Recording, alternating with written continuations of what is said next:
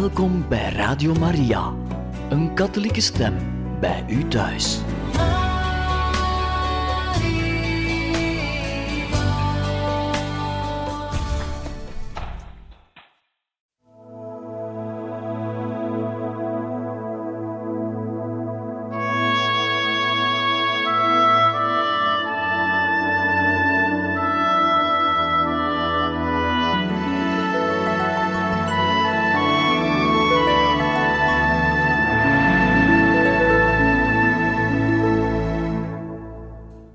Harte welkom, beste luisteraars van Radio Maria, in het programma Heiligen Getuigen.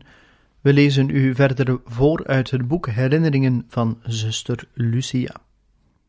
We hebben het natuurlijk over een van de zieners van Onze Lieve Vrouw van Fatima. Onze Lieve Vrouw van Fatima, die op 13 mei 1917 verscheen aan drie herderskinderen. Twee van hen stierven zeer vroeg. De heilige Jacinta en de heilige Francisco, die op 13 mei 2017 heilig werden verklaard door Paus Franciscus in Fatima. We gaan verder met ons relaas en we zijn ondertussen aangekomen aan het moment waarop Francisco Lucia moed inspreekt. In de loop van deze maand nam de toeloop van volk aanmerkelijk toe, en daarmee ook de onophoudelijke ondervragingen en de kritiek. Francisco leed hieronder tamelijk veel en beklaagde zich bij zijn zusje. Wat jammer. Als jij je mond gehouden had, dan had niemand het geweten. Als het geen leugen was, zeiden we aan al die mensen dat we niets gezien hadden en alles was gedaan, maar dat gaat niet. Wanneer hij me radeloos zag door twijfel, huilde hij en zei: Maar hoe kun je toch denken dat het de duivel was? Heb je dan onze lieve vrouw niet gezien? En God zelf in dat hele grote licht? Hoe kunnen we gaan zonder jou, als jij toch het woord moet voeren? Eens na het avondeten, toen het reeds nacht was, keerde hij naar ons huis terug, nam me mee naar de oude dorsvloer en zei me: Zeg eens, ga je morgen? Nee, ik heb het je toch al gezegd dat ik niet meer ga. Wat jammer. Waarom denk je nu zo? Zie je niet dat het niet de duivel kan zijn? God is al zo bedroefd om zoveel zonden. En nu, als jij niet gaat, is hij nog meer bedroefd. Kom toch mee. Ik heb al gezegd dat ik niet ga. Je hoeft het me niet meer te vragen. En ik ging zonder meer naar binnen het huis in. Enige dagen later zei hij me: Geloof me, die nacht heb ik geen oog dicht gedaan. Ik heb de hele tijd geweend en gebeden dat onze lieve vrouw je zou doen gaan. Bij de derde verschijning was Francisco het minst van ons drieën onder de indruk van de aanblik van de hel, ofschoon zij bij hem toch ook vrij grote ontroering teweegbracht.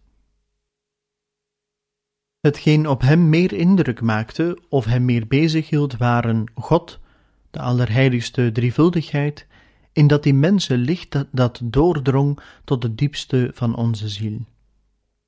Daarna zei hij: wij stonden te braden in dat licht, dat God is, en toch verbranden wij niet. Hoe is God?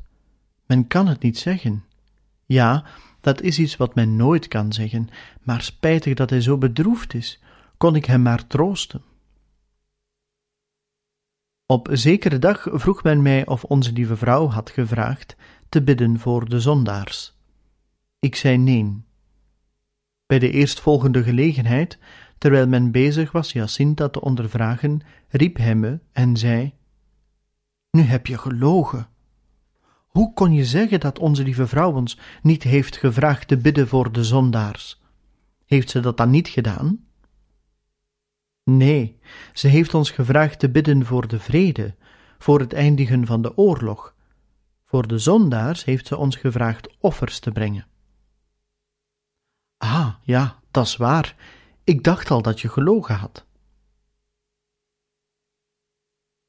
Ik heb al verteld dat hij de hele dag huilde en bad met een droefheid, misschien groter dan mijn eigen droefheid. Toen mijn vader bevel kreeg om mij naar Villanova Giorem te brengen. In de gevangenis toonde hij zich flink en probeerde Jacinta moed in te spreken in de uren van groter heimwee. Toen we in de gevangenis de rozenkrans baden, zag hij dat een van de gevangenen op de knieën zat, met zijn pet op. Hij ging naar hem toe en zei: Als u wil bidden, moet u uw pet afzetten. En de arme man gaf ze hem onmiddellijk en hij legde ze op zijn muts op een bank. Terwijl men Jacinta ondervroeg, zei hij opgewekt en met een onuitsprekelijke vrede tot mij: Als ze ons doden, zoals men zegt, dan zijn we straks in de hemel. En na een poosje van stilte: God geven dat Jacinta geen angst heeft. Ik ga een Ave Maria voor haar bidden. Aanstonds doet hij zijn muts af en bidt. De agent die hem in gebedshouding ziet, vraagt hem: Wat ben je aan het zeggen? Ik bid een Ave Maria, dat Jacinta geen angst heeft. De gevangenbewaarder maakte een gebaar van minachting en liet hem begaan. Toen we na de terugkeer uit Villanova Giorem een bovennatuurlijke invloed voelden en merkten dat er een contact met de hemel zou plaats hebben, toonde Francisco zich bezorgd omdat Jacinta niet aanwezig was. Wat jammer, zei hij, als Jacinta niet op tijd komt. En hij vroeg aan zijn broer om haar te halen. Zeg haar dat ze hierheen komt en dat ze hard moet lopen. Toen zijn broer vertrokken was, zei hij tegen mij: Als Jacinta niet op tijd komt, zal zij erg bedroefd zijn. Toen zijn zusje na de verschijning de hele namiddag daar wilde blijven, zei hij: Nee, je moet terug, want je mocht vandaag niet van moeder met de schapen uit. En om haar daartoe aan te moedigen, bracht hij haar terug naar huis. Nog in de gevangenis, toen we zagen dat het middaguur van de dertiende voorbij ging en dat ze ons niet naar de Covadairia lieten gaan, zei Francisco: Misschien komt onze lieve vrouw ons hier verschijnen. Maar de volgende dag was hij zeer verdrietig en zei bijna huilend: Misschien is onze lieve vrouw bedroefd geweest omdat we niet naar de Covadairia zijn geweest. Misschien verschijnt ze nu niet meer. En ik zou ze toch zo graag zien. Toen Jacinta in de gevangenis huilde van heimwee naar haar moeder en familie, trachtte hij haar moed in te spreken en zei: Als we moeder niet meer terugzien, het zij zo. We brengen dat offer voor de bekering van de zondaars. Het ergste is als onze lieve vrouw niet meer verschijnt. Dat doet mij het meest verdriet. Maar ook dat wil ik offeren voor de zondaars. Daarna vroeg hij me: Wat denk je? Zal onze lieve vrouw niet meer verschijnen? Ik weet het niet. Ik denk van wel. Ik heb zo'n verlangen naar haar. Daarom was de verschijning in Valinos voor hem dubbel vreugdevol. Hij had geleden onder de vrees dat zij niet meer zou terugkeren. Daarna zei hij: Zij is ons op de dertiende zeker niet verschenen om niet naar het huis hoeven te komen van de administrator, want die is zo slecht. Toen ik hem na 13 september zei dat in oktober ook onze lieve Heer zou komen, toonde hij zich zeer verheugd. Wat een geluk! We hebben hem nog pas tweemaal gezien en ik houd zoveel van hem. Van tijd tot tijd vroeg hij: Duurt het nog lang eer het de dertiende is? Ik zie er met verlangen naar uit om onze lieve Heer weer te zien. Daarna dacht hij een ogenblik na en zei: Wat denk je? Zou hij nog zo treurig zijn? Ik vind het zo erg dat hij bedroefd is. Ik wil hem alle offers brengen die ik maar kan.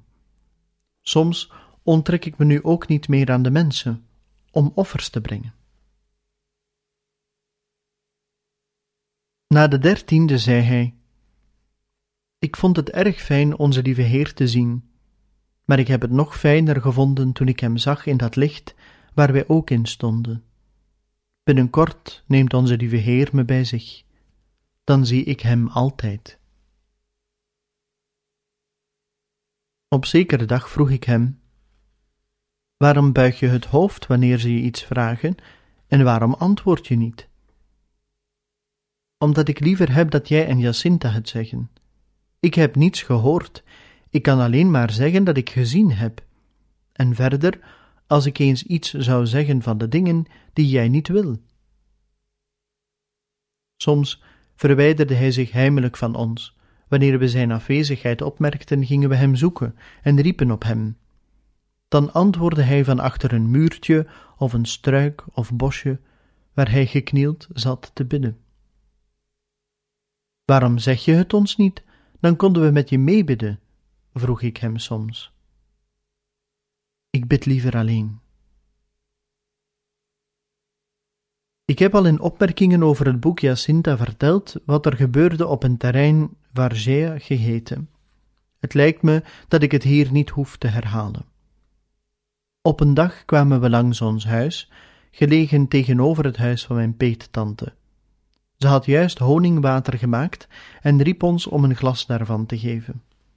We gingen binnen en Francisco kreeg het eerst het glas om te drinken.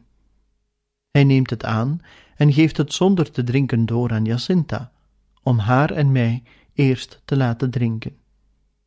Hij echter is als een dief verdwenen. Waar is Francisco? vroeg mijn peetante. Ik weet het niet. Daarnet stond hij nog hier. Maar hij kwam niet meer opdragen. En na bedankt te hebben gingen we hem zoeken, waar we zeker wisten dat hij was, namelijk bij de put waarvan ik al dikwijls gesproken heb. Francisco, je hebt het honingwater niet opgedronken. Tante heeft vaak op je geroepen, maar je kwam niet opdagen. Toen ik dat glas aannam, kreeg ik plotseling de gedachte dat offer te brengen om onze lieve Heer te troosten. Toen ben ik, terwijl jullie dronken, er tussenuit gepiept.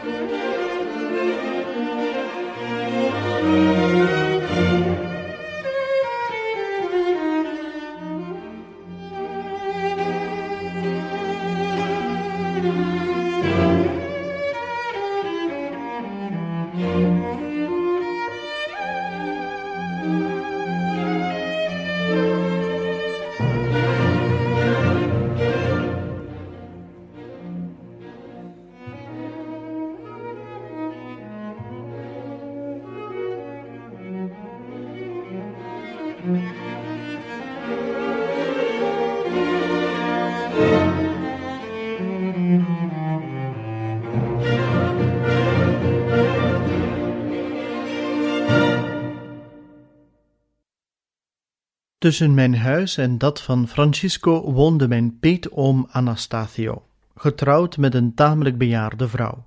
Ze hadden geen kinderen. Het waren nogal rijke boeren en ze hoefden niet te werken. Mijn vader deed hun het werk en zorgde ook voor de dagloners. Dankbaar hiervoor hadden ze een voorliefde voor mij, vooral de meesteres des huizes, die ik tante Teresa noemde.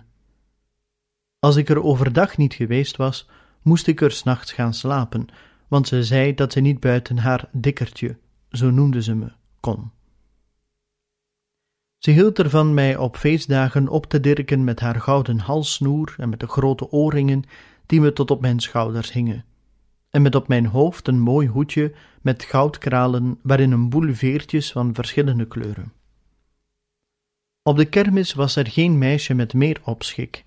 Mijn zussen, even goed als mijn peetante Teresa, stelden daar prijs op. De andere kinderen kwamen met groepen om me heen staan, vol bewondering voor de schittering van zoveel versierselen. Om de waarheid te zeggen, ik genoot ook niet weinig van dit feestgedoe, maar de ijdelheid was mijn slechtste versiersel. Iedereen had bewondering en achting voor me, behalve een weeskindje dat peetante Teresa had aangenomen bij de dood van haar moeder. Ze scheen te menen dat ik haar een deel van de erfenis zou ontfutselen, die zij verwachtte. Ze zou zich daarin zeker niet vergist hebben, als de goede God mij niet een andere erfenis had toebedacht, een nog veel kostbaarder. Onmiddellijk toen het nieuws van de verschijningen de ronde deed, toonde mijn peetoom zich onverschillig, maar mijn peetante was er volledig tegen. Zij uitte haar ontevredenheid over zulke verzinsels, zoals zij het noemde. Ik begon daarom zoveel ik maar kon haar huis te mijden, en met mij verdwenen die groepen kinderen die zich daar dikwijls verzamelden en die mijn peetante zo graag zag dansen en zingen, waarbij ze ons droge vijgen, noten, kastanjes, vruchten enzovoort gaf.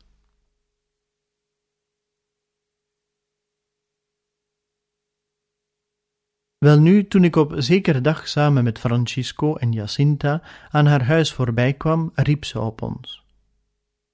Kom hier, boefjes, kom hier, al zo lang komen jullie niet meer.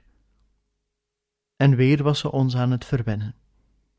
Alsof de andere kinderen onze aanwezigheid geroken hadden, kwam het hele gezelschap weer bijeen. De goede peetante, tevreden weer in haar huis de verzameling te zien, die zo lange tijd was weggebleven, trakteerde ons eerst op allerlei lekkernijen en vroeg ons daarna om te dansen en te zingen. Vooruit dan, wat zal het zijn? Wat wel, wat niet? Zij koos. Jij zon die heel de aarde warmt, zend ook je stralen naar haar, schenk haar de glimlach van je lentepracht, versaag niet met je kracht. De aarde geurt in het morgenrood en wenst meisje alle goeds, in blijde lach verwacht ze reeds het zachte kozen van de avondzon. Zo is het jaar bezaaid met bloemen en rijk aan vruchten rijp en goed, en ook het volgend jaar brengt overvloed, een toekomst die verwachten doet. Ze zijn een mooi cadeau, een hartelijk proficiat waard. Sier gerust ermee je hoofd, het is je mooiste kroon. Was er geluk in hetgeen verleden was, de toekomst zal nog mooier zijn. Was je tevreden met hetgeen je kreeg, geluk gewenst met wat nog komt. In dit leven, bloem van de oceaan, op dit vriendenfeest, vieren we met vrolijk lied, vergeten tuin en tuinder niet.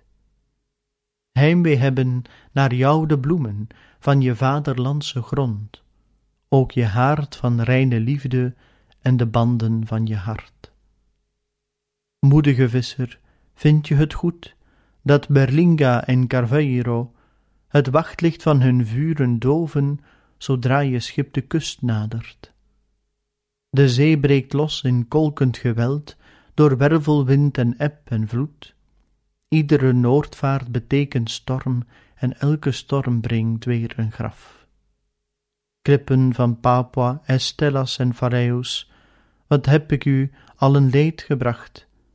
Welk drama is er te horen bij het klotsen van iedere golfslag?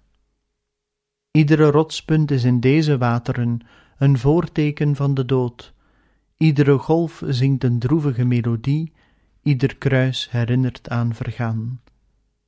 Je wilt toch niet ten onder gaan, jij ster die richting geeft op woelige zee, die voert op donkere zee zoveel scheepjes door het leven heen. Achter blijf ik met de ogen droog, sprekend uit mijn afscheidsgroet. Aarzelend sta ik daar minutenlang, maar het offer is zolang het leven duurt.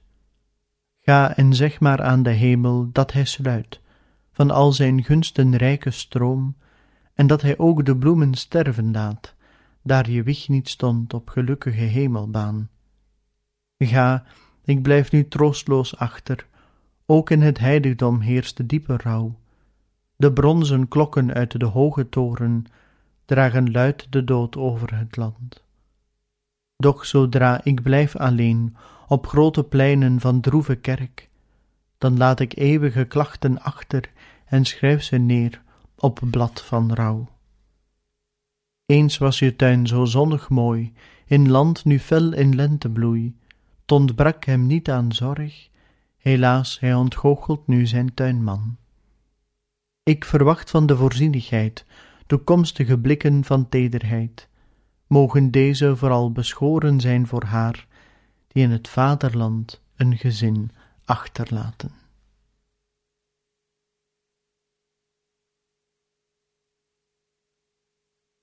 Op het geluid van het geanimeerde liedje kwamen de buurmeisjes toestromen, en op het eind vroegen ze een herhaling. Maar Francisco kwam naar mij toe en zei: Laten we dat niet meer zingen.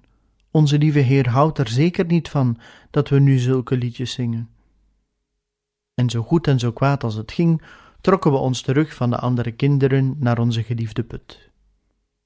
Inderdaad, wat ik uit gehoorzaamheid heb neergeschreven maakt mij nu verlegen, maar uwe excellentie keurde het goed, op verzoek van dokter Galamba, me opdracht te geven de profane liedjes die we kenden op te schrijven.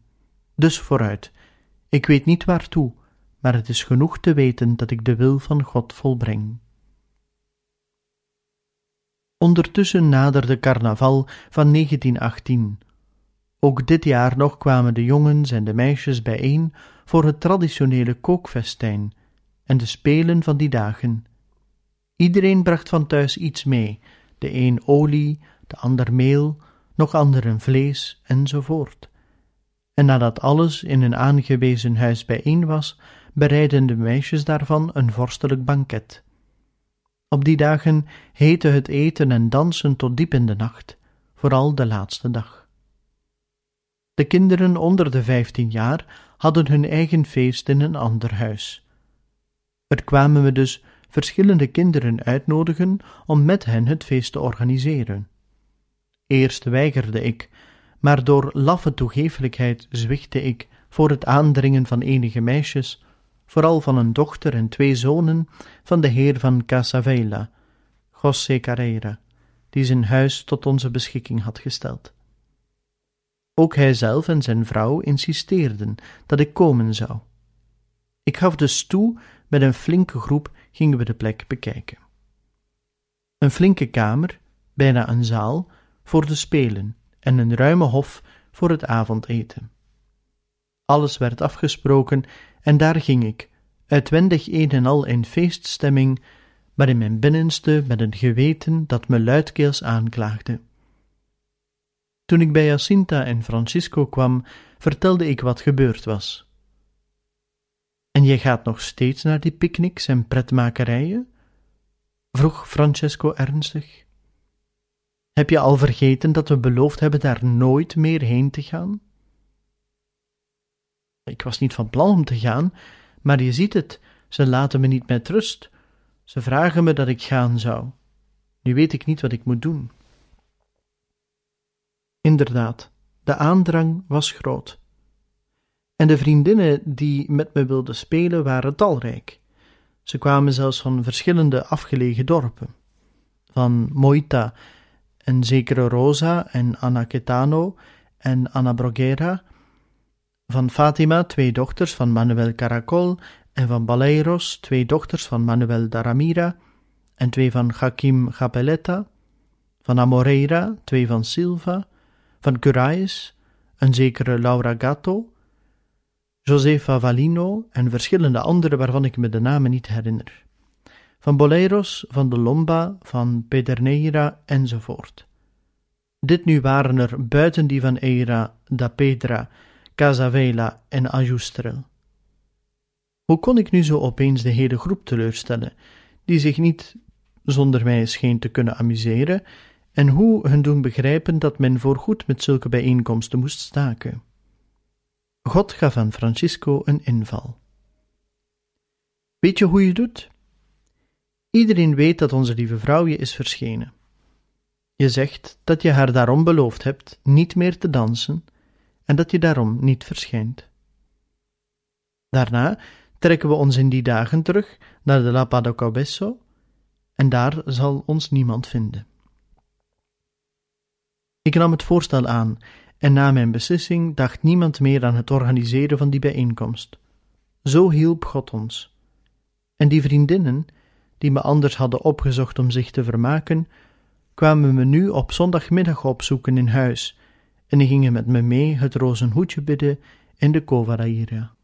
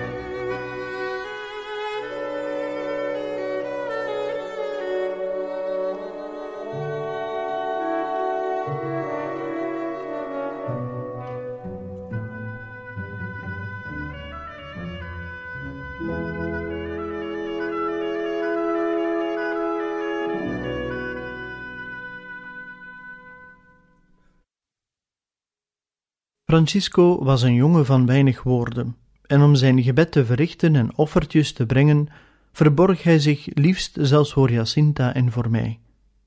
Soms verrasten we hem achter een muur of struiken waar hij zich heimelijk had verborgen, terwijl hij op zijn knieën bad of dacht, zoals hij zei, aan onze lieve Heer die bedroefd was om onze zonde.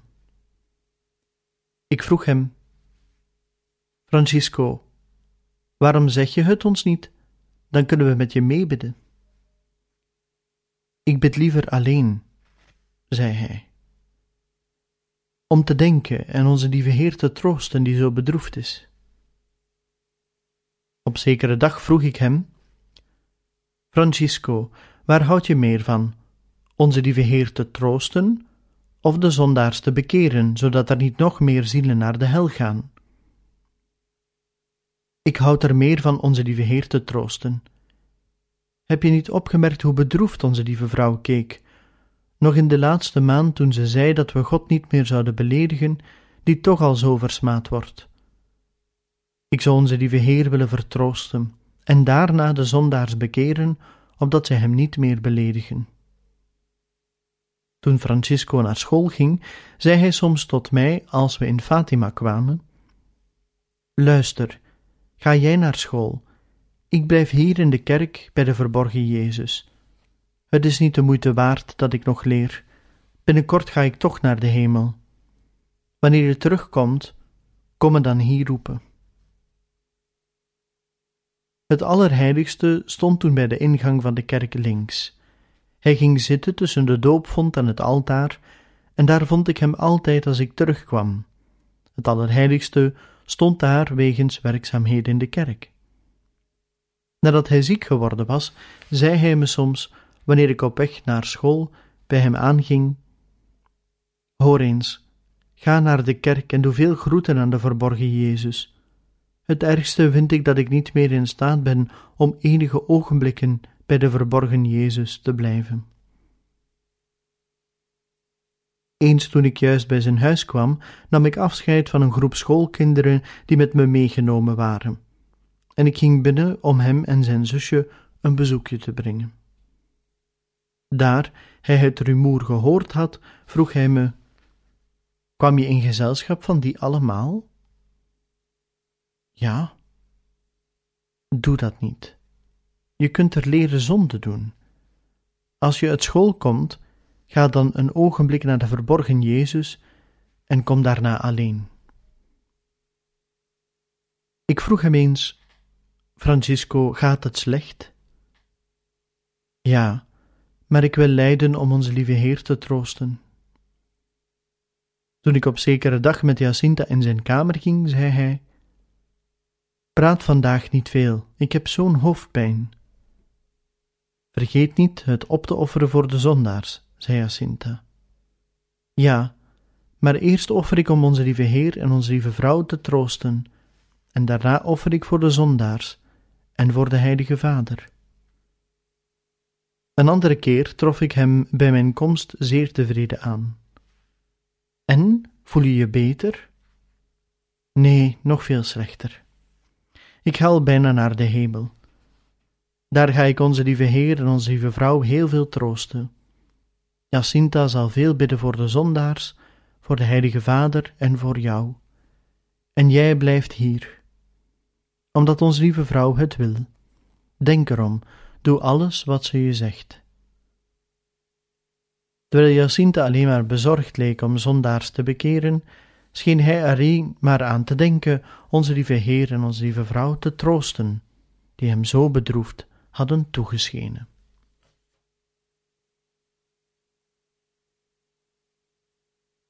En zo, beste luisteraars van Radio Maria, zijn we aan het einde gekomen van deze aflevering van het programma Heiligen Getuigen, waar we u voorlazen het boek Herinneringen van zuster Lucia.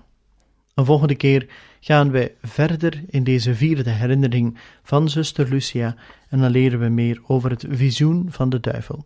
Van harte dank en nog een bijzonder fijne dag gewenst.